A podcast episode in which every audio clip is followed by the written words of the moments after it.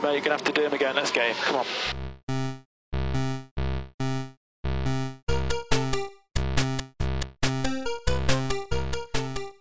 Hey hallo, leuk dat je luistert naar een nieuwe aflevering van F1 Spoiler Alert, de Formule 1 podcast van numrush.nl. Mijn naam is Marjolein en tegenover mij zit zoals altijd... Hey Johan, hallo. Hey Johan, heb jij eh, vandaag toevallig eh, Formule 1 gekeken?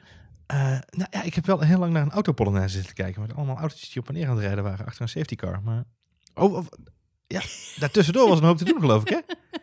We gaan het vandaag hebben over de Grand Prix van Baku. En we zijn er snel bij deze week, want uh, ja, dat was volop te bespreken natuurlijk. Ja, we moesten een beetje snel zijn, want anders... Nou ja, volgens mij is er al een heleboel gezegd de afgelopen... Er is al veel gezegd, maar je kunt veel zeggen van het Formule 1 seizoen 2018. Maar tot nu toe is het niet saai. Nou, je haalt een beetje mijn uitsmijter weg. Ik wilde eigenlijk gewoon nog even met je nababbelen straks op het einde van... joh, hey, uh, hè, nou, dank dat je geluisterd ja, hebt naar deze podcast. Tot zover, uh, tot zover spoiler alert. Volgende nee, maand maar weer. even serieus. Uh, Baku was natuurlijk vorig jaar ook al een hele spannende race. Nou, een, een hele gekke race vooral. Ja, want dat was die race waarin we dat incidentje hadden met um, uh, hoop safety cars. Dat, mm -hmm, Daar staat deze race mm -hmm. wel een beetje onbekend. Dat ziet iedereen ook uh, al tijdens de kwalificatie gebeuren. Dat de ruimte is er gewoon niet. Het is een stratencircuit. Ik zie ook bijna nergens publiek zitten. En die ene tribune waar ik wel publiek zie zitten, daarvan denk ik, daar wil je helemaal niet zitten. Want dat is volgens mij echt levensgevaarlijk. Volgens mij krijgen, die mensen betaald om, om daar te gaan zitten. Of het zijn geen echte mensen, het zijn gewoon robots. Het kunnen ook hologrammen of, of van die kartonnen poppen. Een beetje home alone. Geen idee, ja. geen idee. Zou zomaar kunnen. Uh, vorig jaar um, uh, veel safety cars, dus uh, daar verheugden we ons ook dit jaar alweer op. En, en toen was natuurlijk dat akkefietje met Vettel en Hamilton. Ja. Oh, ik dacht even dat je wilde memoreren naar de memorabele... Ei, ei, my steering wheel. ja, Kimi Räikkönen had ook niet zo'n beste race daar. Maar er ging van alles mis. Die, die race is op een gegeven moment toen zelfs stopgezet. Maar ja. het verhaal was natuurlijk dat uh, Hamilton daar uh, ja, gewoon enorm uh, langzaam aan uh, bleef, bleef doen. Ja, tot de irritatie van Vettel.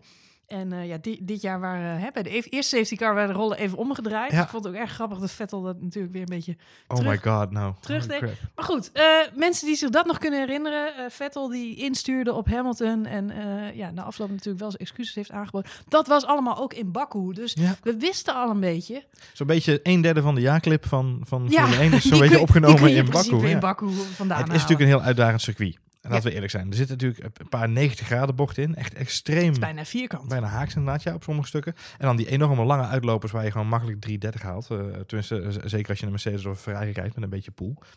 Het is gewoon een heel spannend circuit. Weet je, er, zit, er is gewoon veel mogelijk. Ja, klopt. Nee, en dat zagen we ook. Uh, ik moet zeggen, de kwalificatie vond ik een beetje tegenvallen. Was toch weer de bekende uh, top 5, top 6. Met dat ja. verschil dat Ricciardo een keertje sneller was dan Max. Ja, klopt. Nou ja, wat je ziet is, en we hadden het daar natuurlijk wel uitvoerig over uh, toen we de kwalificatie zaten te kijken.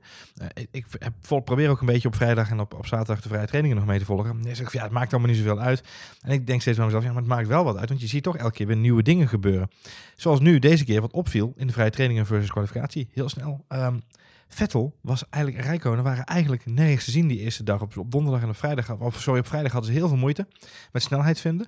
En, en die derde vrije training en die kwalificatie, waar stonden ze ineens? Ook alle twee, gewoon zowel Rijkonen als, als Vettel. Ja, maar goed, iedereen weet natuurlijk, op vrijdag laat niemand het achter ze van zijn Nee, oké, okay, maar dat weet je, maar het is wel, kijk, je kunt wel een beetje zien in hoeverre iemand, je kunt altijd, je kunt een gevoel krijgen bij hoeverre iemand echt bluff, bluffpoker speelt, zeg maar, en hoeverre ze um, elkaar een beetje aan het, aan het, aan het pranken zijn, zou ik wel bijna willen zeggen. En wat natuurlijk vorig jaar zo was, is dat de party mode bij Mercedes aanging op, op, op zaterdag tijdens de quali. Ja, weet je, Mercedes doet echt wel zijn best, maar Ferrari is echt best wel, best wel een topauto dit jaar. Ja, klopt. Nee, absoluut. Maar uh, over de snelheid van de auto's heb ik nog wel het een en het ander te zeggen. Maar daar gaan we het straks pas over hebben. Want ik wil even deze race voor het gemak. Uh, ik zat na afloop een beetje uh, te bedenken van waar gaan we het over hebben. En we gaan het natuurlijk hebben over die crash tussen Verstappen en Ricciardo. Maar als je de hele race pakt, dan valt hij een beetje op te delen in vier actes. Ik weet niet of jij dat ook had, maar er zijn mm -hmm. een beetje vier hoofdstukken die we kunnen onderscheiden. Als we dan maar met de eerste beginnen. Start. Is goed om daar te beginnen. Nee, maar hè, je, je hebt saaie starts, maar je hebt ook starts waarmee meteen alles misgaat. Ja. Eh, wij- op een gegeven moment riepen wij allebei vlammen, vuur. Want het leek gewoon alsof er achter... Vliegen daar nou twee draken? Ja, nou ja, omdat, er, omdat, er, omdat die, die hitte wordt zo groot en door die vonken leek het gewoon alsof er een, Een vlam opsteeg een, vlam- soort eh, steekvlam in de, in de achtergrond. Maar er waren meteen allerlei crashes. Er vloog van alles door de lucht inderdaad. Er vloog van alles door de lucht. Het, het valt me sowieso op dat er ontzettend veel van die auto's afvliegt dit Nou, dat is voornamelijk bij de hazen. Dus dat is wel even leuk om nog... eh, en Olaf Mol stipte dat ook terecht nog even aan in de uitzending. Hij zegt, het moet een keer zo zijn dat daar de, de, de FIA of, of de leiding van de, van de Formule 1 in ieder geval wat, wat van gaat zeggen. Want tot nu elke race dondert er wel iets van die hazen af. Eh, of het nou eh, eh, een sideboard, een, noem dat, een bargeboard is, of een stuk van een, van een endplate, van een, of een vleugel. Maakt niet uit, maar gaat, er vliegt van alles door de lucht heen. Dit keer was bij Magnussen inderdaad, wat gewoon spontaan zag je in één keer iets eraf vliegen. Oké. Het ziet er wel heel spectaculair uit, maar het is voor mij niet de bedoeling. Nee, het valt mij ook op. En je hebt, je hebt elke eh, nou ja, decennium heb je zo je, je, je issues. En de laatste jaren zijn de auto's natuurlijk best wel betrouwbaar geworden. Dus eh, in de jaren negentig had je opgeblazen motoren. En ineens kwam er zo'n rookpluim en dan, poeh, dan reed je de race niet uit. Nee, klopt. En, eh, en nu zie je eigenlijk weer veel meer dat bij een lichte tik, met een beetje mazzel kun je door, maar je ziet ook heel veel lekke banden. Ja. Toch weer, als mensen elkaar ja. aanrijden. En ik zie, eh, eh, ja, eigenlijk heeft dat met elkaar te maken. Want je ziet best wel snel dat er allerlei stukjes carbon, een, vleugeltje hier, vleugeltje daar. Daar hangen heel veel itempjes aan. Die, eh, de auto's zijn ook breder geworden sinds vorig jaar al. Ehm, dus er vliegen snel dingetjes af. En die dingen die er afvliegen, ja, die zorgen dan weer voor lekke banden. Dus Ja, dat, het zoals we uiteindelijk ook in de laatste ronde van de wedstrijd zien. Dus eh, Spoiler alert. Oh, wacht. Ja.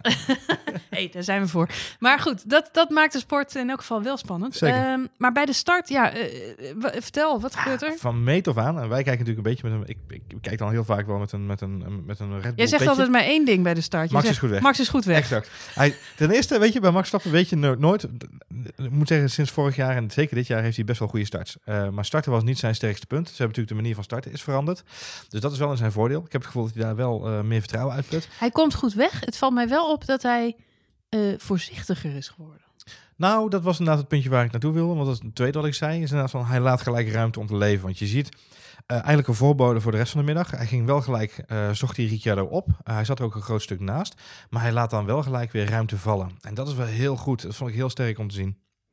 Ja, eens. En dan, eh, ja, dan gebeurt er in de achtergrond nog iets met eh Sirotkin. Ja, dat dat is eigenlijk de, de, eerste, de eerste spetters die wel voorbij zien komen. Sirotkin die gaat eigenlijk voor, voordat hij bocht 2 ingaat, want hij komt dan bocht 1 nog wel door, want dat gaat volgens mij nog wel redelijk goed. Maar da- daarvoor raakt hij al eh, Perez op de bips, tikje tegen de billen. En daar is hij ook voor beboet nog achteraf, toch? Ja, hij heeft na afloop... nou, hij heeft niet alleen Perez aangetikt, maar daarmee ook Alonso eh, uiteindelijk beschadigd. Of eh, er was een, Nee, dat is de follow-up. vervolg- Ja, ja, ja, actie Het eigenlijk. was, van, niet, het was niet Sirotkins middag, nee. Sirotkin die, die, Nee. die tikte die, die, die hij die maakte meerdere fouten. Hij heeft in elk geval een boete gekregen, of in elk geval een waarschuwing. En hij krijgt een eh, drie plekken grid penalty bij de volgende race. Vind ik heel fors, maar, want het kwam natuurlijk net binnen, net voordat wij de opname starten. Dus mijn eerste reactie was, oh, dat is wel fors. Maar naarmate ik er nu over nadenk, is... Hij reed wel achter op Perez. Volgens mij zelfs nog voor bocht 1. Dus volgens mij het rechte stuk gewoon het opstarten, zeg maar. En er was geen directe aanleiding. Volgens mij reden hij gewoon rechtop in. Wat ik al zei, Sirotkin had geen hele goede middag, want hij draait inderdaad de bocht om. En daar krijgt hij inderdaad eh, te maken met de sandwich van Hulkenberg en Alonso. Eh, Alonso natuurlijk terecht furieus, want die wordt eh, hard aangetikt. En, en, en ja, je zegt al... dacht dat het aan Hulkenberg was, maar ja, die kon er Sirotkin, uiteindelijk ja, dus nee, ook, niks aan doen, Ja. ook niks aan doen. Ja, hij dacht dat het Sirotkin was, maar het bleek dus inderdaad Hulkenbergs fout te zijn die Sirotkin de tik gaf daar. Ja. Ehm, eh, en precies wat jij zegt, eh, rondvliegend carbon en al snel een lekker band. Nou, dat was voor Alonso zeker het geval. Maar voor ons wel spectaculaire beelden. Want één, we zagen, nou ja, Alonso reed op twee wielen. Ja. Op twee wielen. Ehm, aan één kant waren beide banden kapot. De, die, ik heb nog nooit een Formule 1 auto zo schuin zien hangen, behalve als ze door de lucht vliegen. Ja. Ehm, maar dit zag er gewoon pijnlijk uit. En hij, ma hij had ook nog een snelheid waarmee hij, en hij moest nog een heel rondje afmaken. moesten volledig rond afmaken. kwam de pits ja. binnen en eh, ik liep alleen maar, eh, nou, die is klaar, die is exit. Ja, dat dachten wij inderdaad wel. Want het geluk wat hij had, is dat er een safety car was op dat Ik moment. stond echt versteld dat ze nog schroeven en bouten en dingen hebben gevonden waar ze nog nieuwe Nou, banden en een nieuwe neus aan hebben vast kunnen Ik maken. vond het prachtig om dat ze Alles dat- stond in de vlam, in de, in de, in de, in de. Ik, ik vond het prachtig om die dat ze met, met de hand die auto optilden. En, en want er komt natuurlijk geen karretje meer onder, want zo schuin hing die. Dus ze gewoon met de hand die auto stonden op te tillen om dan die vleugel eraf te kunnen klikken. En dan de wielen er weer op te zetten. En dan weer. Het is echt een soort van bouwpakketje was het. Nou, dat deed hij fantastisch. En de, de mazzel die ze hadden is. Ja, er was een safety car op dat moment. Dus ze hadden daar ook de tijd voor. Dat is waar, dat is waar. En ehm, Alonso heeft na afloop verklaard, hij was natuurlijk ook ehm, eh, ja, zich niet bewust eh, zozeer van wat er aan de hand was. Dus eh, waarschijnlijk hebben ze gedacht, laten we het gewoon proberen met een nieuwe neus. Maar ja, we weten vorige keer van Vettel, die had een, eigenlijk een minuscule aanrijding. Ja. En die klaagde, daarna had ik de rest van de wereld, de rest van de wedstrijd had ik een auto die onbestuurbaar was. En Klopt, dat kostte ja. me zeker een seconde per rondje. Ja. Alonso heeft een complete race uitgereden op een auto die, nou ja, bijna een halve eh, ronde, dus op twee wielen, alles bij elkaar heeft geschuurd. Die Exact. bodemplaat die moet aan gort zijn geweest. Dat, dat ding moet echt, nou ja, aan alle kanten niet meer lekker hebben gereden. Maar hij is eh, zevende gefinished. Ja, hij heeft natuurlijk ook een beetje te danken aan, eh, aan de uitvallers. Maar dan nog heeft hij gewoon een dijk van een wedstrijd gereden. Hij zei na afloop dat het zijn beste race was ooit. Het is dezelfde van Alonso die vorig jaar bijna wereldkampioen werd met een Honda in zijn auto. Dus eh, Ik vind het wel mooi. ja, ik, Ik vind het wel mooi. hij, even- het leuke vind ik eraan dat Alonso zijn swing gevonden heeft. En als je het hebt over swing vinden in, eh, op, de- op zijn op zijn oude dag, zou ik willen zeggen, dan geldt dat zeker ook voor onze grote vriend Kimi. Nou, hij doet het ook goed. eh, trouwens, even nog over ja. Alonso. Hij doet het goed in het kampioenschap. Zeker. Hij staat Ja. gewoon op de zesde plek. Net na Ricciardo met 28 punten. Ja, dus, net voor eh, Hulkenberg, Hij hè? doet het gewoon ook goed. Net voor Hulkenberg ook. Dus als je het hebt over het kampioenschap, een heel rare eh, eh, vorm. We gaan het straks even over hebben. Maar in ieder geval, de- op de oude dag, om even die swing te pakken.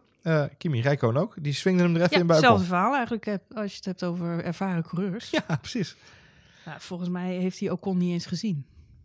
Nou, volgens mij heeft Ocon hem niet gezien. Nou, ja. Nee, als, maar goed, ik Rijkonen die is zo stoïcijns. Die wordt dan, die wordt dan aangetikt en denkt, I'm just gonna drive. die rijdt gewoon door. Ja. Maar goed, die, eh, die wordt inderdaad, die krijgt ook een tik. Nou, hij krijgt in eerste instantie een tik voor het ingaan van de bocht. Eh, en vervolgens denkt hij, ja, al- ook onder eenmaal, want Ocon is er volledig voorbij. eh, bij het ingaan van volgens mij bocht 3 is er volledig voorbij. We, dames en heren, we zijn eh, eh, tien minuten onderweg in de podcast. We zijn drie bochten verder. Ehm, dus de, de race was spannend. Voor degenen die het niet gezien hebben, nu proberen terug te luisteren. Ehm Ocon is hem volledig voorbij. Eh, Ja, hij laat ruimte open. Ja, Kimi heeft inderdaad volgens hij mij... is er zoiets niet van- volledig voorbij. Daar ben ik niet met je eens. Ik vind, hij, hij, eh, eh, Ocon maakt een rare, die, sowieso, hij pakt een rare lijn. Dat is waar. En hij denkt vervolgens, weet je wat ik doe? Ik gooi die bocht gewoon dicht. Ik stuur gewoon, eh, hop, ik zet, ik zet hem helemaal... eh, maar op ervaring, wat mij betreft, denkt Kimi, nou, ik rij gewoon door. Wow, dat had weinig met ervaring te maken. Wow. Nou ja, hij had op de rem kunnen gaan staan. En dat, dat Dat, Dat- was geen optie geweest. Want dat, dat, is, dat is geen waar ook tijd, wat we tijdens de race primaire reactie ook tegen elkaar zeiden. Dus hij had niet kunnen remmen. Want dan had hij eh, aan de achterkant een probleem gehad. Waren ze achterop geklapt. Want het was, het was nogmaals, het is bocht 3. Dus het hele veld zat nog bij elkaar. Hij kon geen kant op. Dus hij kon alleen maar een, nieuw, een beuk uitdelen. Het geluk wat hij heeft, ja, de pech voor Ocon, is dat hij hem zo goed raakt, tussen haakjes goed, dat Rijkonen verder kan. Voor hetzelfde gaat het voor Rijkonen gewoon einde race. Eigenlijk een kopie van zijn race vorig jaar met Bottas natuurlijk. Ook volgens mij in diezelfde bocht zelfs. Eh, ook op zo'nzelfde akkefietje. Even een tikje uitdelen en uh, vleugeltje stuk. Hup, weer tijd verloren. Nou, het heeft toch ook wel te maken, vind ik, met... eh, uh, ik, ik, zag een hoop mensen die lef uh, toonden op dit circuit. En dat is natuurlijk uh, alleszins te waarderen. nou, neem Vettel bij de laatste herstart, die toch nog probeert... P2 is niet genoeg, ik wil voor die winst gaan. Kunt ervan vinden wat je wil. Het is hartstikke stom natuurlijk. Maar ja, hij probeert het wel. ja. Je kunt ervan vinden wat je wil, maar het is wel heel stom. ja, is gewoon. Maar het is... hij toont wel lef, bedoelde ik zeggen. Ja. En, uh, en hetzelfde geldt hier voor uh, Ocon, maar uh, dat pakt dan ook niet zo goed uit. Nee. En ja, er waren meer mensen die dat deden, maar ik vind dat enerzijds is het lef en anderzijds in dit geval vond ik het meer gebrek aan ervaring. Want je lijn komt gewoon niet meer lekker uit. Uh, je weet dat daar nog iemand aan de binnenkant zit. Nou, dat is, dat die wat... tikt je in de ronde en, ronde en het is gewoon einde race. Ja, dat is wat de stewards ook hebben verklaard na de wedstrijd. Want heel veel dingen zijn pas later in de wedstrijd uh, opgepakt of zelfs na de wedstrijd besproken. Ook Ocon heeft na de wedstrijd uh, een, een, officiële waarschuwing gekregen naar aanleiding van het ongeval. Het is overigens afgedaan als een racing incident. Dus gewoon een ongeval wat kan gebeuren op de baan, punt. Uh, hoewel Kimi en Ferrari wel degelijk hebben uh, doorgeduwd voor eigenlijk meer, voor een straf voor, voor Ocon. Ocon had zelf aangegeven dat hij hem niet heeft gezien. De stewards hebben ook wel verklaard, uh, uh, en met name Charlie Whiting, van joh, uh, meneer Ocon moet zich wel kunnen realiseren dat een Formule 1 auto, het feit dat hij hem niet kan zien, niet betekent dat hij niet in de buurt is. Dat heeft, daar heeft hij intussen ervaring genoeg voor. Ja, dat had hij inderdaad moeten weten. Hij gooit de deur absoluut zeker en weten dicht. Um, tegelijkertijd was hij er wel degelijk flink voorbij. Dus ik, ik, ik kan me de, de split-second afweging best wel voorstellen. Ja, het was alleen niet de juiste. Er is gewoon geen ruimte.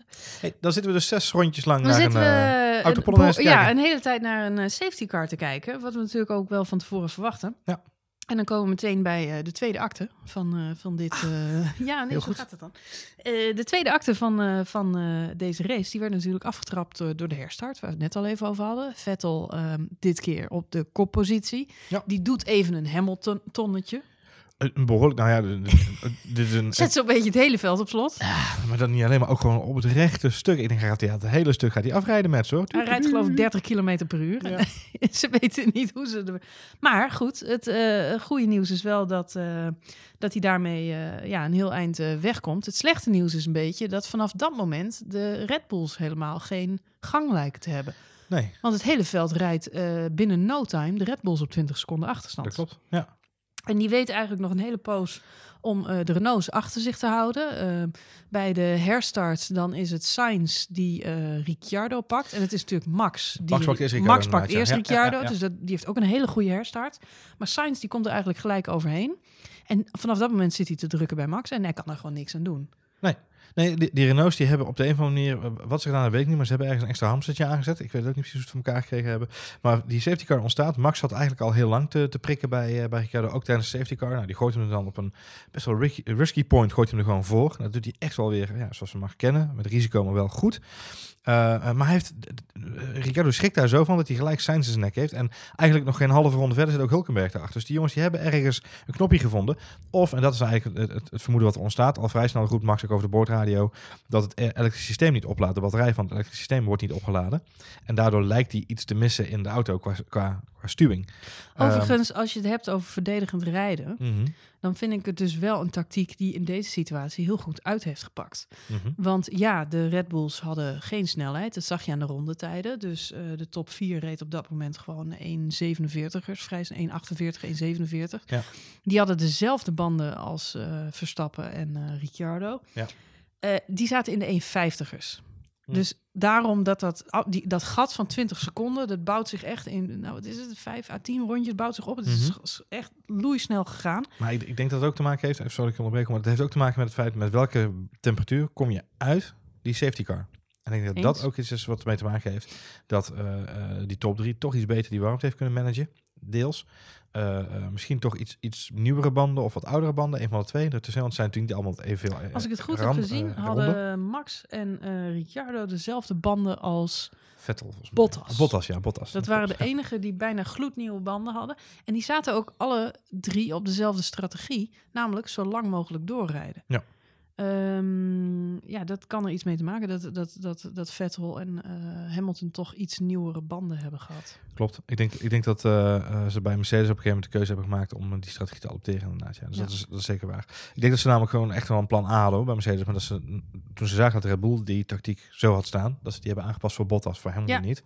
Um, ja, want die zaten duidelijk op een verschillende strategie. Klopt. Die aanvankelijk, nou ja, goed, laten we het daar straks over hebben. Die uiteindelijk natuurlijk voor Bottas. Volgende, volgende acte, volgende acte. Ja, vol, nee, maar het is echt, daarom vond ik deze race ook zo leuk. Los van alle crashes en alle safety cars, was dit echt weer een race van de tactiek en van de, uh, en van de strategie. En dat, dat pakt uiteindelijk zo uit dat Bottas ja. had kunnen winnen. En Rijkonen, die natuurlijk super pech heeft en, en, en, en zeg maar helemaal uh, terugdondert naar die startcrash, uiteindelijk gewoon op het podium staat. Ja. Dus, en dat maakt deze sport zo mooi. Maar goed, Even terug naar uh, die, Renaults. die Renaults. Nou ja, die, die, uh, die komen er uiteindelijk, na de lang duwen komen ze uh, er langs. Maar het ja. heeft veel te lang geduurd. Als zij al een strategie hadden om uit te lopen in die beginfase met die snellere bandjes, dan is dat gewoon niet gelukt. Zij, omdat... reden op de Ultrasoft, ja, ja. ja, omdat Max eigenlijk toch nog best wel lang achter zich weet te houden. En vervolgens komen ze er uiteindelijk voorbij. Nou, Hulkenberg, die, die schakelt zichzelf uit. Ja. Dat is ook vrij makkelijk. Um, en Sainz moet pitten. Ja. En Sainz moet pitten. En op het moment dat hij de pits inrijdt, dan rijdt uh, Max er eigenlijk alweer voorbij. Ja, dus uh, die heeft niet eens afstand kunnen nemen. Nee, dat is En op dat moment zie je de snelheid ook in de banden van, eh van Ricciardo en Verstappen komen. Ja, Want dus- die duiken dan ook eindelijk in de 47ers, 46ers en die beginnen hard door te rijden. Overigens wel het moment waarop ook Ricciardo begint te klagen over die batterij. Ja. Ehm, en, en we iets heel erg apart zien. En jij zag, het, jij zag het als eerste in de rondetijden. Namelijk dat Ricciardo aan het sparen was. Dus die ging... Ja. En Max deed hetzelfde. Rondje op, rondje af. Rondje op, rondje af. Elke keer rondje 50. En dan weer rondje 49. Ja, want de ronde dat Ricciardo zeg maar naast Max Verstappen dook Ja, en we dachten, oeh, hij gaat hem pakken. waren er meerdere overigens. Ja, Ja, er waren meerdere, maar dat was steeds een snelste rondetijd Klopt. voor Ricciardo. Ja, klopt. Eh, met andere woorden, hij had daar de slipstream, de boost, eh, alles verzameld om in één keer die Als te vermogen op het ene moment. vo- volledige overtake-modus. Ja. Exact. Maar goed, verder, die tussenfase die duurde eigenlijk best wel eh, lang. Waarin we inderdaad meerdere mensen al de pits in zagen duiken, maar niet de Red Bulls. En Nee. op dat moment begon ik inderdaad naar die banden te kijken en realiseerde, nou, die hebben, net als Bottas, banden die nog echt hagel, hagel nieuw zijn. Dus die kunnen gewoon, eh, ja, de strategie is waarschijnlijk zo lang mogelijk op die banden blijven En rijden. dan de ultra's. Ja. En wat, ik op, wat jij op een gegeven moment zei, is eh, waarschijnlijk hebben ze gerekend op een safety car. Ja. Want op een gegeven moment, iedereen had al gepit. Ja. En als er op dat moment een safety car zou komen, ja, dan waren die Red Bulls gewoon naar twee. binnen gedoken. En dan waren ze 1 en 2 of 2 en 3 geweest. Ja. Waren het niet dat Bottas dezelfde strategie had. Ja. En die was dan waarschijnlijk ook één. Maar goed, daar hadden ze dan last van gehad. Maar in principe was het een briljante strategie geweest. Zeker weten, ja. Waren het niet dat ze zelf die safety car creëren. Horner zei het gewoon op, eh, eh, eh, na afloop tegenover... De, hij, hij was bij eh Coulthard en, eh, en Eddie Jordan. Ja, bij Channel 4. eh, Channel 4 inderdaad. En daar zei hij ook gewoon van, joh, ehm, eh, eh, we never imagined that we would be the reason that there's a safety car. Weet je, dat stond nooit in de boeken, dat was niet het plan. En ze hadden er echt op gerekend. eh en gaf je ook wel een beetje grif toe. Eh, ja, het was natuurlijk een, eh, in die zin, er waren gewoon twee mogelijke, er waren drie, de derde scenario's waren gebleken, maar er waren eigenlijk twee, twee positieve scenario's. Eén is, je gaat naar die ultrasoft, er komt geen safety car meer, maar je kunt op die, op die zachtere band die, op die wat zachtere compound zoveel sneller rijden dat je het gat kunt dichtrijden. Nou, dan, dan, dan heb je misschien Wat ze eigenlijk vorige race gedaan hebben. Exact. Eh, Lukt dat niet? Nou ja, dan zo so be it. Dan, eh, dan verdedig je 4 en 5. Ja, hè, want dat- precies. 4 en 5 heb je. Wie pakt het je af? Behalve jezelf. Ehm, eh, het andere scenario is inderdaad een safety car door een andere oorzaak. En je, je pakt eh, één of twee plekken naar boven toe nog erbij. Nou, dat, dat is natuurlijk absoluut een goede tactiek. Uh, waar het niet dat de heren Ricardo en Verstappen al een rondje of eh 30 met elkaar aan het knokken waren. Dus dat zag, was wel spannend, zeg maar. Ze waren eigenlijk al sinds die eerste car met elkaar in gevecht. Ja, klopt. En dat, eh, dat was best wel nagelbijten. Je had best wel vaak het gevoel dat je dacht... eh, alsjeblieft niet weer. Alsjeblieft niet weer. Ja. En eigenlijk zag ik het... ehm, uiteindelijk gaan ze pitten. Hè? Dat moeten we Ja. wel zeggen. Want die safety car die kwam natuurlijk niet. Dus besloot Red Bull om toch de pits in te duiken. En ehm, Ricciardo deed dat eerder dan Verstappen. Ja. Vervolgens rijdt Verstappen, zoals Robert Doornbos in de nabeschouwing ook zei... die rijdt gewoon een fenomenale inlap. Ja. Want die gaat de ronde daarna pitten, maar die vindt ergens twee seconden. Waardoor die voor Ricciardo, want ze hadden dezelfde eh pittijd. Tijd, ja. Hij komt voor Ricciardo weer de baan op. Ja. En dat is door toedoen van Max zelf, omdat hij zo hard heeft doorgereden. Ehm, maar goed, eh, Ricciardo zit erachter, getergd. Die denkt, potdomme, dan ben ik na al dat hangen en wurgen, ben ik er eindelijk voorbij Ja. En dan krijgt hij over de boordradio notabene te horen. ja, we begonnen de show ermee inderdaad. Ja, You have to do it again. you have to do it again. Het is alsof je... Het, het, het is typerend als ze Red Bull heet. En ik, ik heb hier nog veel over nagedacht. Maar ze werkten als een soort rode lap op elkaar vandaag. En het is... eh, eh, in de eerste fase van die strijd denk je, waar gaat het over? Want weet je, het is tof dat ze tegen elkaar mogen racen. Maar iedereen weet, plek 4 en 5, waar race je dan om? Om een paar punten verschil. Dat is, dat is, dat is niet eens prestige, onderaan de streep. Dus er is iets waar, waar ze voor race op dat moment. Dus vanaf ronde 12, vanaf dat die safety car... eh, eh, sorry, vanaf, vanaf ronde 6 al zelfs. Eh, nee, ronde 12, sorry. Dan beginnen Verstappen en, en Rio de Bert. Vanaf dat moment zijn ze al aan het knokken. En toen zeiden wij tegen elkaar, waarvan zijn ze aan het knokken? Nou, dat is geweest voor die eerste pitstop. Wie mag die eerste pitstop maken? Dat was Ricciardo. En toen is Verstappen zo geërgerd geraakt dat hij gewoon twee seconden eraf gereden heeft. En dat is te gek. Alleen dan moet je dus niet daarna nog een keer die rode lap ervoor hangen. Tegen ze zeggen, jongens, jullie hebben elkaar al tot op het randje geduwd. Ga er nu maar overheen. Ik vond het Ik vond het echt, heel ik vond het bad judgment van het team. Ik vond het echt bad Nou judgment. ja, dat, dat mijn, mijn mening was. Ik zag Helmut Marko voorbij komen met een, met een, met een boze blik van ik, neem ze beide kwalijk. Ik zie Christian Horner eh, bij Channel 4 aan het roepen van eh, nou we hebben de heren wel even een reprimande gegeven. En ik denk bij mezelf, fine, terecht, want zij zijn degene die de stuur in handen hebben en die, de, be- die de, de beslissingen maken in een split second. Maar jullie hadden al lang kunnen zien, laten we het even, ik heb het even opgeschreven net op heel snel, ze hebben een wheelbang gehad. Waarbij ik me nog afvraag, want volgens mij raakt Verstappen zelfs nog, wordt of Verstappen nog door Ricciardo in zijn sidepot geraakt. Dus voor hetzelfde geld heb je daar een, een olieprobleem. Nou, dat weet Yep. Ricciardo als geen ander. Eh, Max die zet een aantal keren zijn auto agressief naast die van Ricciardo om te verdedigen in de bochten. Voor hetzelfde geld gaat het daar mis. Maar Ricciardo en Verstappen, nou, ze deden het goed. En dan uiteindelijk, als Ricciardo wel vanaf P5 die P4 pakt van Verstappen, doet hij dat met een ontzettend agressieve afsnijbocht. Die jongens die zaten al op het randje. Er had al lang iemand over de boordrijden moeten roepen, oké jongens, dit was te gek, maar nu even rust. Nou ja, plus eh, koude banden. Ja, Die sowieso. kwamen, nou ja, koud en in elk geval nog niet ingereden, want ze waren net de pitstraat twee uit. net een rondje erop En- zitten, ja. Ik snap het, maar op, ik, kijk, ze kregen allebei eh, co- coaching. En op een gegeven moment, Ricciardo, die was er langs. En toen zeiden ze geloof ik iets van, eh, well done, go stretch your legs. Of een, eh, Time to stretch your legs, ja. ja, time to stretch your legs. Of nu kun je echt doorrijden, alsof hij, alsof hij al die tijd was opgehouden door Max Verstappen. Ja. Nou, het sloeg natuurlijk nergens op, want Verstappen die rijdt uiteindelijk gewoon twee seconden van die rondetijd af om, om er toch voor te komen. Dus je weet dat Ricciardo getergd is. Je weet dat ze allebei net de pits uit zijn met koude bandjes. Ja. Dan is dit niet de call die je teruggeeft aan een coureur, wat mij betreft. Nee, omdat je hem dus... Want hij, eh, nogmaals, hij is over de zijkant. Hij gaat naar buiten en, en hij ziet Verstappen voor hem rijden. En hij is wit heet. En, en we hebben het er vaak over gehad van... Oh, Danny Rick, hij is zo lekker verstandig en zo lekker rustig. Ja, kennelijk dus niet. Kan dit ook- is wel echt een rode lamp voor Daniel Ricciardo. Ja. Want over het algemeen is hij altijd de wijzere en laat hij zich niet zo opnaaien. Nee, en maar nu maakt hij een eh, manoeuvre. Nou, de, de manoeuvre zelf kunnen we ook nog een hele uitzending over opnemen. We zouden hem helemaal tot op de frame bij frame kunnen analyseren. Ehm, eh, mijn, eh, wat was jouw inschatting toen je het zag? Of eigenlijk toen je de beelden terugzag? Nou, stomme fout van Ricciardo. Maar goed, achteraf bezien. eh, ja, wat ik al zei, ik eh, eh, koude banden. Ehm, dus dat kan er ook nog mee te maken gaan. Ricciardo wil een, een, een move maken, links-rechts en dan eh er langs duiken. Ehm, maar hij heeft veel te weinig afstand van Verstappen. Die ook al aan het aanremmen is, omdat hij daar een bocht moet maken. Ja. Dus er is geen ruimte voor die actie die Ricciardo in, in gedachten heeft. En de, Dummy, ja. ja, en er is ook geen. eh, die, die banden zijn daar volgens mij ook nog niet klaar voor op dat moment. Dus het is gewoon een, een stomme move.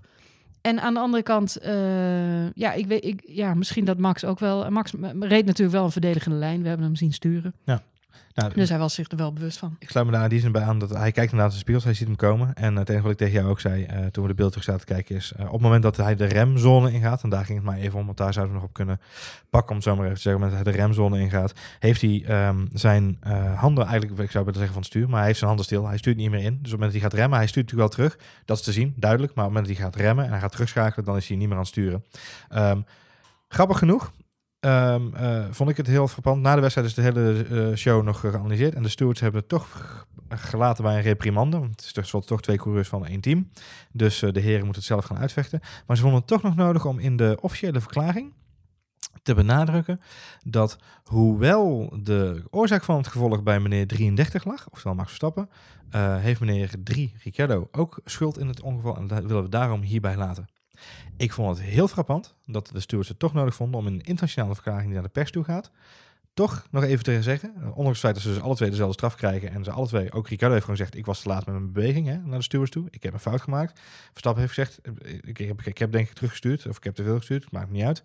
Eh, om het dan toch nog zo te benadrukken dat het dan toch nog een beetje een vinger gewezen wordt. Vond ik echt een beetje jammer eigenlijk. Nou ja, ik heb het teruggelezen en ik las dat niet op die manier.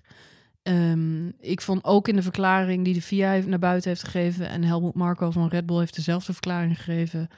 eh, ze zijn gewoon allebei schuldig. Zo simpel is het. En eh, ja, en, en anders kunnen we het niet maken. Overigens, de, de, de los van de koude band was ook de downforce. Hè? Downforce verlies wat, wat Ricciardo ineens eh, ervoer omdat er in één keer een auto eh, voor hem dook en weer weg was eh, en ja, weer maar terugkwam. dat zou je op is- basis van ervaring natuurlijk Dat, nee, ja, dat gaf hij zelf ook aan inderdaad. En dat, dat is gewoon stom. Dat is, Het is, gewoon- het is een hele stomme actie, maar then again is Max ook gewoon de hele race al. type coureur die hem natuurlijk uit de tent heeft gelokt. nou, En hij heeft de hele race onwijs verdedigend gereden. En dat heeft eh, goed uitgepakt. Ehm, bijvoorbeeld met die Renaults. eens. Dus, eh, maar goed. Eh, het is wel zo dat, ehm, eh, ja goed, het is heel vervelend, maar Olaf Mol die zei natuurlijk tijdens het incident gelijk Red Bull, Vettel en Uh, Webber. Webber, Ja, waar, Turkije, die, die eenzelfde soort incident hebben meegemaakt. En na afloop zag ik inderdaad Eddie Jordan en, Coulthard, ja. en Coulthard en die hadden het er ook nog over. En die, die, die, die zeiden wel allebei, dit is wel zo'n defining moment in de geschiedenis van je team Ja. en van je coureurs. Van je teammaatschap, ja. En wij hoopten dat we die eigenlijk al gehad hadden. Want Max heeft nu wel een aantal defining moments Ja, gehad. ja. De afgelopen paar races. Maar goed, ehm, ja, het, het is wel waar. Het is een dieptepunt. Maar het kan vanuit hier hopelijk ook alleen maar weer uh, hogerop. En uh, ja, dit is natuurlijk dit is ook wel waarom we Formule 1 kijken. Het is ook een beetje Senna en Prost dit. Nou ja, dat is en maar- eh, precies, het Mercedes is- die twitterde nog tijdens de race van... Hey Red Bull, we know how you feel. Ja, precies. Weet je Rosberg Hamilton ging er ook Mercedes heeft, Ja. heeft het ook meegemaakt. Elk goed team maakt het mee. En elk, elke goede coureur maakt Het het een keer Het mee. hoort onderaan de streep bij, eh, bij topsportbedrijven op scherp van de snede en dit soort dingen gebeuren. Wat ik heel, eh, wat ik heel fijn vond aan dat stuk, eh, aan, het, aan het specifieke interview van, of dat eigenlijk dat bitje op, op Channel 4 wat we zagen, is het feit dat ehm, eh, zowel Coulthard als Jordan zo respectvol waren over zowel Ricciardo als Verstappen. En het is waar ik me kapot aan irriteer, en dat zal elke Nederlander hebben die, die social media in de gaten houdt nu, of die probeert Formule 1 te volgen en, en reacties leest op dingen. Verstappen wordt natuurlijk afgemaakt op social media. En het is ook wel een, weet je, een deel van mij zegt ook wel, ik kan me voorstellen, want als je met een neutraal oog kijkt naar wat hij de afgelopen week gedaan heeft, ja, dan is het een soort Maldonado junior af en toe. Nou, weet je wie je mag afmaken op social media? Wat dacht je van Romain Grosjean? Ik was de opbouw aan het maken. Serieus. maar daar kon je niks aan doen. Als je je Nee. ergens voor moet... Het was Magnus Eriksen. Eh, weet jij... Weet jij...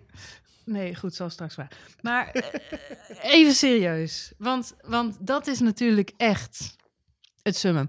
En daarnaast, dan kun je nog iets hebben. Kijk, het is natuurlijk vervelend dat Max en Ricciardo geen punten pakken. Uiteindelijk, daarmee veroorzaken ze een safety car situatie. Ja. Eh, die ze eigenlijk zelf hadden willen meekrijgen. Bottas die profiteert daarvan. Ja. Die kan eindelijk zijn pit, pitstop maken. En die komt terug. P1. Duffeltje uit een doofje, doosje. Niemand zag hem aankomen.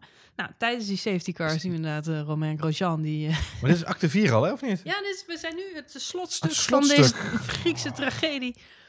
En uh, als een deus ex machina komt daar uh, ja, Bottas eigenlijk uh, P1. Ja. En Grosjean die... woe, pff, Ja, die had gewoon even... Ja, echt het ja. loodje. Maar goed, daar hebben we het niet meer Het over. was een hele specifieke manier om je banden op te warmen. Zo daar maar houden. Mijn god, maar dat zal je maar gebeuren, Jan Voets. Ja. Dat zou, weet je, als dat Max Verstappen was, dan zou ik me de, de pletter generen. Ja.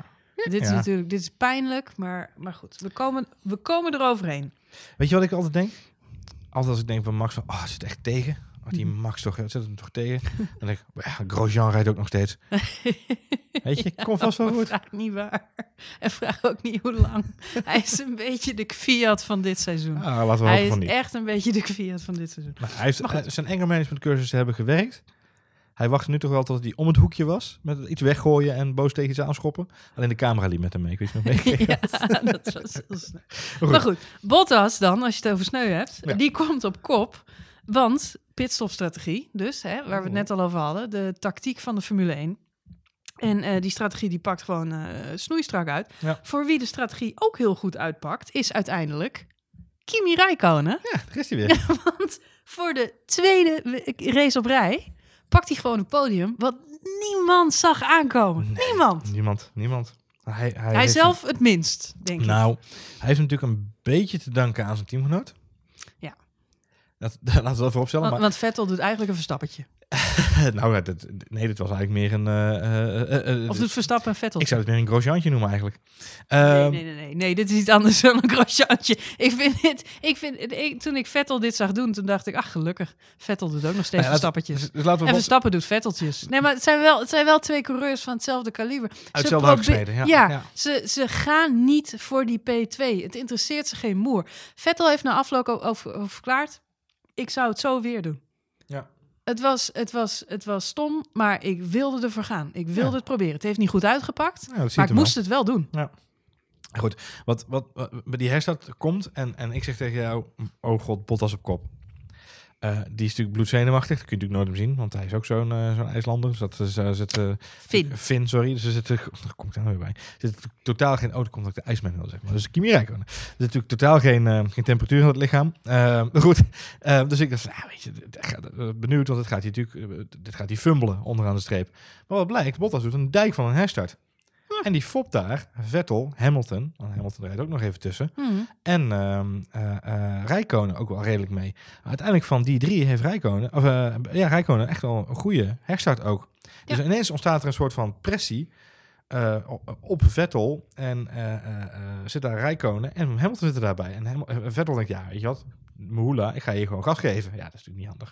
Maar goed, laten we eerlijk wezen, Vettel is niet de enige die bijna van de baan aflag. Want we hebben ook Hamilton gezien, ja. die zich ver, verremde en ook helemaal buiten de baan schoot. Dat, dat is één, gewoon, hè? Dat is één momentje. En, en, ja, uh, maar ja, het kan de beste gebeuren. Ja, maar dus laten we opstellen dat alle coureurs, even los van Verstappen en Ricciardo, die dus, hè, want dat moet je dus nageven, die eigenlijk feitelijk hebben ze geen moment een touché gehad of een contactmomentje of whatsoever.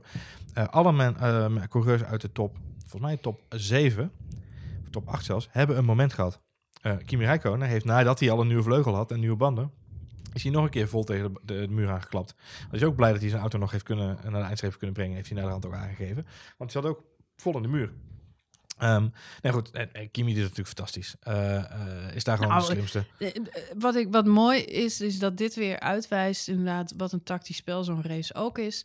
Um, Kimi zei ook na afloop dat um, we wisten van tevoren Baku is een race met veel safety cars en veel uitvallers. Ja. Kijk maar naar de Red Bulls. Hij zegt, er verwacht niemand, maar ineens liggen ze eraf. Nou, mooi op. Of dat zei hij niet, maar hij, zegt, hij zei wel, kijk maar naar de Red Bulls. Er kan van alles gebeuren. Ja. Als ik gewoon rustig mijn rondjes blijf rijden uh, en, en, en die auto heel hou, dan kan ik een heel eind komen. En dat blijkt nu weer. En Bottas eigenlijk een beetje hetzelfde verhaal. Die komt ineens ook nog eens dankzij een slimme pitstopstrategie eigenlijk op P1 terug. Ja. En dit was, ja, die, die winst was hem gewoon gegund. Zeker, zeker weten. Uh, waren het niet dat hij uh, ja, over een stukje carbon of iets anders heen Een rijdt. stukje debris. En Ja. dan bedoel ik geen lekker Frans kaasje. En, eh, Nee, ja, dat en gaat- een lekker band. Ja, maar dat is, dit is het leuke. Er waren twee momenten waarop ik dacht, dit is toch ook wel... eh, hoe, hoe ironisch, iconisch ironisch wil je het hebben? Ehm, wat er gebeurt namelijk is, eh, Verstappen en, en, en Ricciardo gaan op dat rechte stuk daar gaan ze tegen elkaar aan. Daar ligt natuurlijk een hoop spul op de, op de baan. Dat wordt opgeruimd. Terwijl ze het opruimen zijn, doet Grosjean zijn stunt. Terwijl dus de auto van Grosjean wordt weggetakeld door een soort van vrachtwagentje wat ze van, met een, wat ze van het platteland van Azerbeidzjan af hebben gehaald. Eh, met een takeltje eraan, een soort pluk van de petfletsky. Die komt daar aan die, die, die, die zet die Formule 1 wagen erop. En dat is zo'n roet, zo'n diesel roetbak, weet je wel. Je, je weet toch dat in de binnenstad geen dieselauto's meer mogen. maar goed, dus zo top, top, top, top, top. En op dat moment hoor je Hamilton over de boordradio. And guys, maybe we should uh, stop the race. Uh, want ze zitten op 70%. De 70% regel was ingegaan. Ze zaten op 70%. En Hamilton zei over de boordradio... hey jongens, weet je wat, laten we gewoon die race stoppen. Want voordat die dieselbak daar weg is... zijn we zo een paar rondes verder. En uh, dan eindigen we achter een safety car. Dat is ook niet leuk? En hij heeft zijn woorden nog niet koud. Of dat dieselbakje zegt... die rijden weg. En, en het is opgelost. En echt serieus... 900, nou niet geen 900 meter, maar uh, laat 900 meter zijn voor, het voor, voor dit goede verhaal. 900 meter rijdt zijn teamgenoot over het stukje debris wat ze niet hebben opgeremd, terwijl ze zoveel tijd hadden. Ja, lek, ja lekker dan. Ja, het is echt... En dan sta je vervolgens met je dreadlocks op het podium. Eh, sorry, met je eh, eh, vlechtjes. Ja, dat is gewoon bizar. Maar eh, even wel, dat pleit dan wel weer voor Hamilton, vind ik. Hij was niet eh, euforisch. Deze overwinning werd hem natuurlijk eh, compleet in de schoot geworpen. En daar was hij dan ook niet extreem blij mee. Nee. En de reden dat hij ook wat later op het podium was, is omdat hij eerst naar Bottas toe is gegaan om hem een hart onder de riem te steken. Dat Ja, hij dat het toch wel hij, erg sneu vond. Dat hij, eh, nou, er zijn ook beelden van. Even lekker knuffelen. Ja, maar dat zegt hij wel. Er Maar zijn vol- beelden van. volgens mij heeft hij gewoon... Maar ze van- lachen allebei. En volgens mij heeft hij van zijn PA ingefluisterd gekregen dat Bottas net daarvoor tegen een journalist had gezegd dat hij eh, hier overheen ging komen door Team B te drinken. Dus ik vermoed dat Hamilton dacht, oh, gaat een biertje. Ga even bij, eh maar het was dus geen bier. Nou ja, goed. Het was een eh innoverende race met veel eh, crashes. Op het podium, Ja? niemand minder dan Checo Perez. Oh ja, daar moeten we het ook nog even over hebben. Dat is de tweede keer. Tweede keer Baku. Ja, Exact. Ja. Dat is toch ook toevallig? de lachende, de lachende roze man. Ja. Het is heel bijzonder. En het grappige vond ik dat, dat eh, ehm, hij was nog een beetje nerveus. Het toffe, als je het hebt over tactiek over is, het toffe, Mhm. daarvan, dat, dat wil ik eigenlijk zeggen. Ehm, Olaf Mol was ook in paniek tijdens de race, want Ja, maar ho even. Dit, eh, Vettel doet zijn best helemaal niet. Want eh, ja, Vettel had natuurlijk de Big Flat Spot, Big Flat Spot eh, van het remmen. Dus ehm, eh, die werd als vrij snel ingehaald door Perez. Die dus van... Alonso denkt, Mietje, ik kan het op twee banden. ja, precies. Die zwaaide nog een keer. Dus de, Alonso, of, Perez pakte al vrij snel ehm, eh, ehm, Vettel zijn vierde plek over. En op dat moment reed hij keurig vierde. En Olaf Mol zei van ja, maar ja, Vettel gaat nu iets zijn best doen. Want Perez heeft nog een vijf seconden tijdstraf te pakken. Vanwege een incidentje aan het begin van de race. Wat niemand heeft gezien, en ook Olaf Mol heeft het niet gezien, en twijfelde daar dus over, is dat Perez tijdens de safety car even naar binnen is gereden, vijf seconden stil heeft gestaan en weer terug de baan op gegaan is. Die had zijn time penalty dus al gehad. Dus die Super kon slim.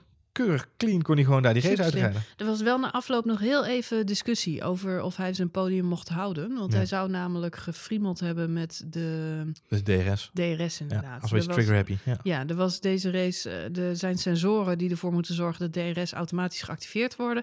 Dat werkte niet goed. Daardoor konden coureurs zelf hun DRS activeren, als ik het goed heb begrepen. En dat zou hij dan gedaan hebben op een moment dat het niet mocht. Maar na afloop is dat eh, toch eh, afgewezen. Dus hij mag gewoon zijn podiumplek Hij, had, houden. hij had heel keurig niet te veel gedaan en ook op geen plekken een auto ingehaald. Maar het is toch wel typisch dat weer iets met die sensoren, weer iets...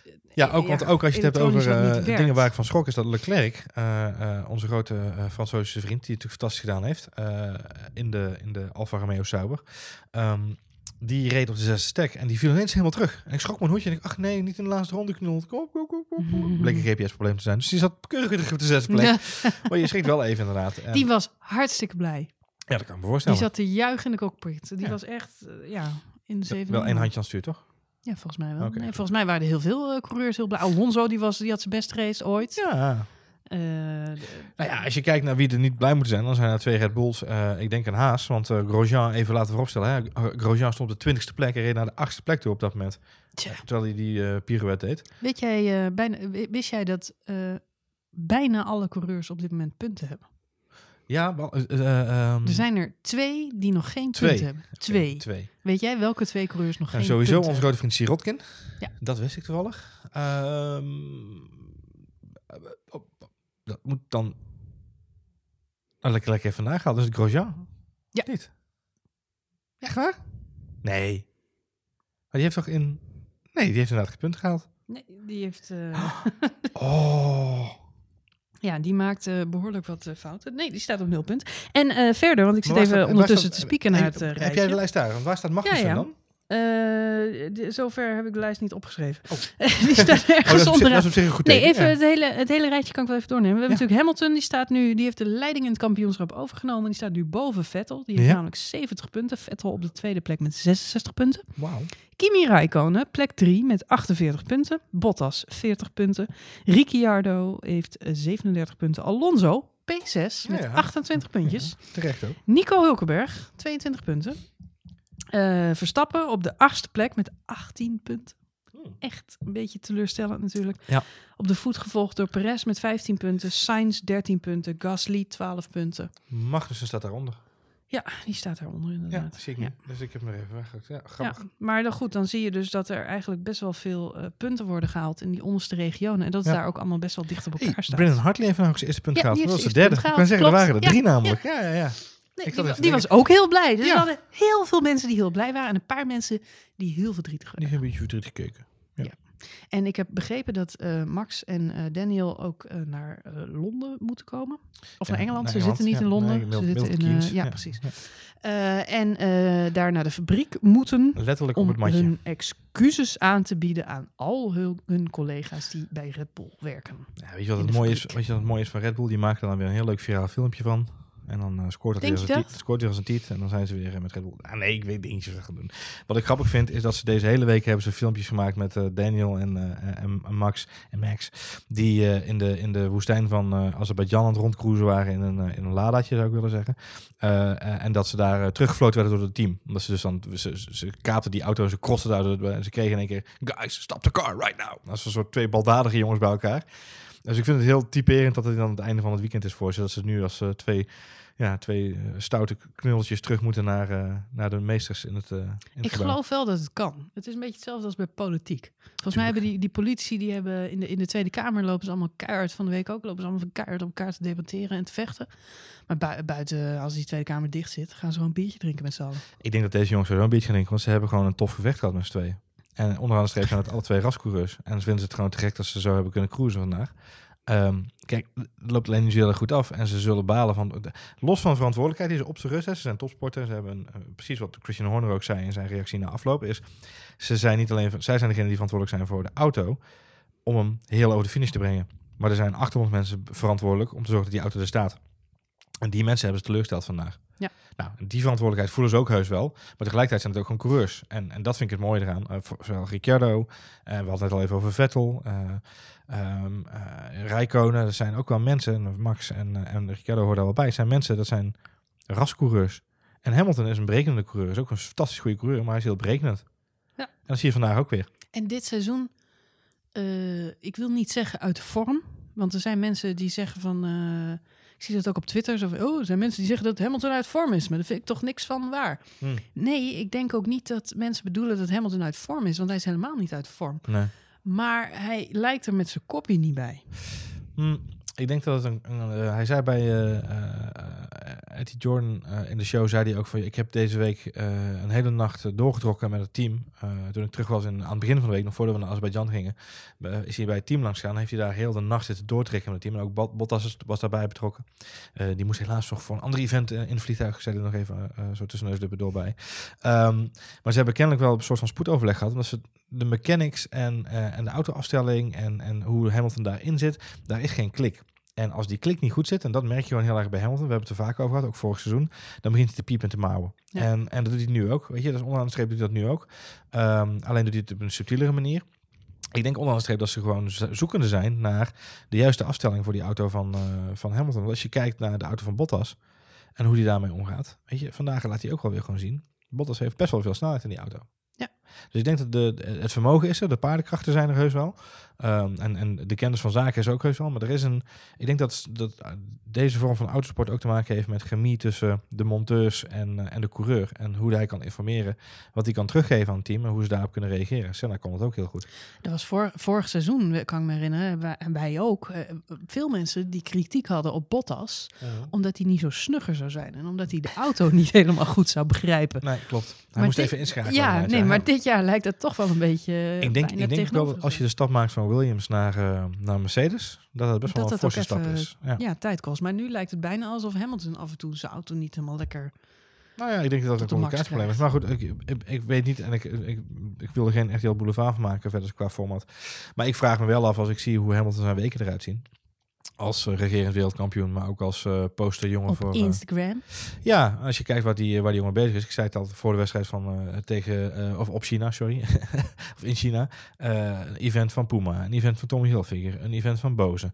Eh, vervolgens reclameshoots, dan een pers-event, dan fans ontmoeten, dan weer dat. Deze week waren ze vrij. Waar was meneer? Op Coachella. Vliegt hij naar Amerika. Ik denk bij mezelf, als je vrij bent, ga even lekker onder een dingetje liggen, een beetje cocoonen. Maar nee, meneer, meneer vliegt even lekker naar Amerika om op Coachella te gaan staan tussen de andere eh, hipsters, om daar even een dansje te maken. En ik misgun het hem niet, weet je, te gek dat hij zo'n leven kan leiden. En hij heeft een mooie plek en hij, kan, hij ziet de mooiste artiest optreden. Ik gun het hem van harte. Maar ik denk dan bij mezelf, oké, maar dan kom je op maandag, eh, op maandagmiddag kwam je weer terug in Engeland. Eh, Moet je nog door naar moet- Baku? Moet je nog door naar Baku inderdaad. Maar heb je dat, dat noodoverleg heb je nog met je team. Met andere woorden, waar ligt je prioriteit op dat moment? Ja. En weet je, dat, dat, eh, en als je dan inderdaad in, in die tijd iets verliest in communicatie met je team, ja, dan heb je denk ik een uitdaging. Hij heeft maar mazzel dat Vettel zijn grootste concurrent heeft, is. Ja, ik zou willen zeggen, Vettel zit hem op zijn lip. Maar bij Vettel zat er iets anders op zijn lip vandaag. Moeten we daar, we het daar even over hebben. Wat zat er bij Vettel op zijn lip? Nou ja, een koortslip. En Ook eh, al. Was had vorig weekend of twee, twee Ja, die had het ook, ja. Dus ik denk nu, ik gooi hem erin hoor. Ik denk dat Vettel en Ricciardo samen bezopen zijn geworden, een avond lang, om eh, weer buddies te worden, zodat ze bij Ferrari kunnen gaan rijden volgend jaar. Maar dan heeft Vettel waarschijnlijk per ongeluk uit het glas van Ricciardo gedronken, of uit de schoen van Ricciardo, dat kan ook. Het is toch misgegaan. Dit is wel echt de scoop van de week, Johan. Dames en heren, u hoort het hier eerst bij F1 Spoiler. En het verklaart ook meteen waarom Kimi zo zijn stinkende best doet om weer eens een pole position en een Grand Prix overwinning te scoren. Ah, joh, nee joh, die gaat gewoon eh, die race een raceje uit en eh, die pakt zijn miljoentjes en dan gaat hij toch lekker weer rally racen. Nee, Kimi is aan het trappen.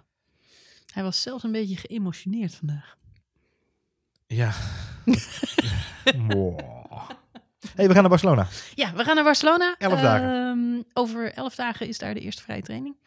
Woehoe. Woehoe. Uh, Barcelona hebben we natuurlijk allemaal goede herinneringen aan. Staat tegenover dat vorig jaar niet zo'n hele goede race voor We ons hebben was. vorig jaar aan geen enkele race goede herinnering, behalve de laatste drie, vier races van het seizoen. vanaf beetje. vorig Dus, jaar was Barcelona een beetje de kick-off van het slechte seizoen van Max Verstappen, toch? Nee, dat was al een beetje gaande op dat moment natuurlijk gehad. Al een, een paar DNF's. Dus het, eh, eh, qua kalender is het sowieso een beetje moeilijk te vergelijken. Want we waren nu veel eerder in Baku dan vorig jaar. Ja. Ehm, dus eh, nu was ook het weer in Baku was natuurlijk veel koeler dan vorig jaar. Vorig jaar was het heel warm in Baku en nu vlogen de takken op de, op de baan, zoals we kunnen, hebben kunnen zien. Dus eh, er, was, er was sowieso wat, eh, de, verschuiving in de agenda zorgde voor wat verwarring, om het zo maar even te zeggen. We zijn volgens mij nu twee weken eerder in ehm, Barcelona dan vorig jaar. Oké. Eh, er zullen vast weer een hoop eh, Nederlanders ook eh, die kant op gaan. Mocht dat nou zo zijn, stuur ons vooral een berichtje. Vinden we altijd leuk. En Misschien kun je nog leuke insight informatie met ons delen. Of leuke soundbites als je er bent geweest. Of leuke soundbites die we in deze podcast kunnen gebruiken. ik kan heel vinden goed leuk. monteren met computers en zo. Met, Kun je dat? Ja, kan ik zo. Doe jij dingen met computers? Control, Control X. Oh, nee, wacht, ik moet zeggen Command X en Command V. Werk jij met een Apple? Soms. Goed, dit was F1 Spoiler Alert voor deze week. Eh, we hadden het over de Grand Prix van eh, Baku in Azerbeidzjan 2018. We vonden het heel leuk dat je luisterde. Wil je nou reageren op deze eh, podcast? Dan mag je altijd even via Twitter een berichtje sturen. Dat kan naar Ed Marjolein. Of Ed Johan Voets, die dan de persoon is die tegenover mij zit. Ehm, en eh, abonneer je ook vooral op deze podcast. Ja. Eh, dan hoef je geen aflevering meer te missen. En eh, dat kan gewoon via iTunes of je favoriete podcast-app. En op het moment dat we dan een nieuwe aflevering uploaden, dan krijg jij meteen zo'n mooie push-alert op je smartphone te zien. En dan kun je de volgende ochtend dat je in de auto stapt, lekker naar ons luisteren. Hoe leuk is dat? Ik heb nu al zin in. Goed. Over twee weken zijn we er weer. Dan met de Grand Prix van Spanje.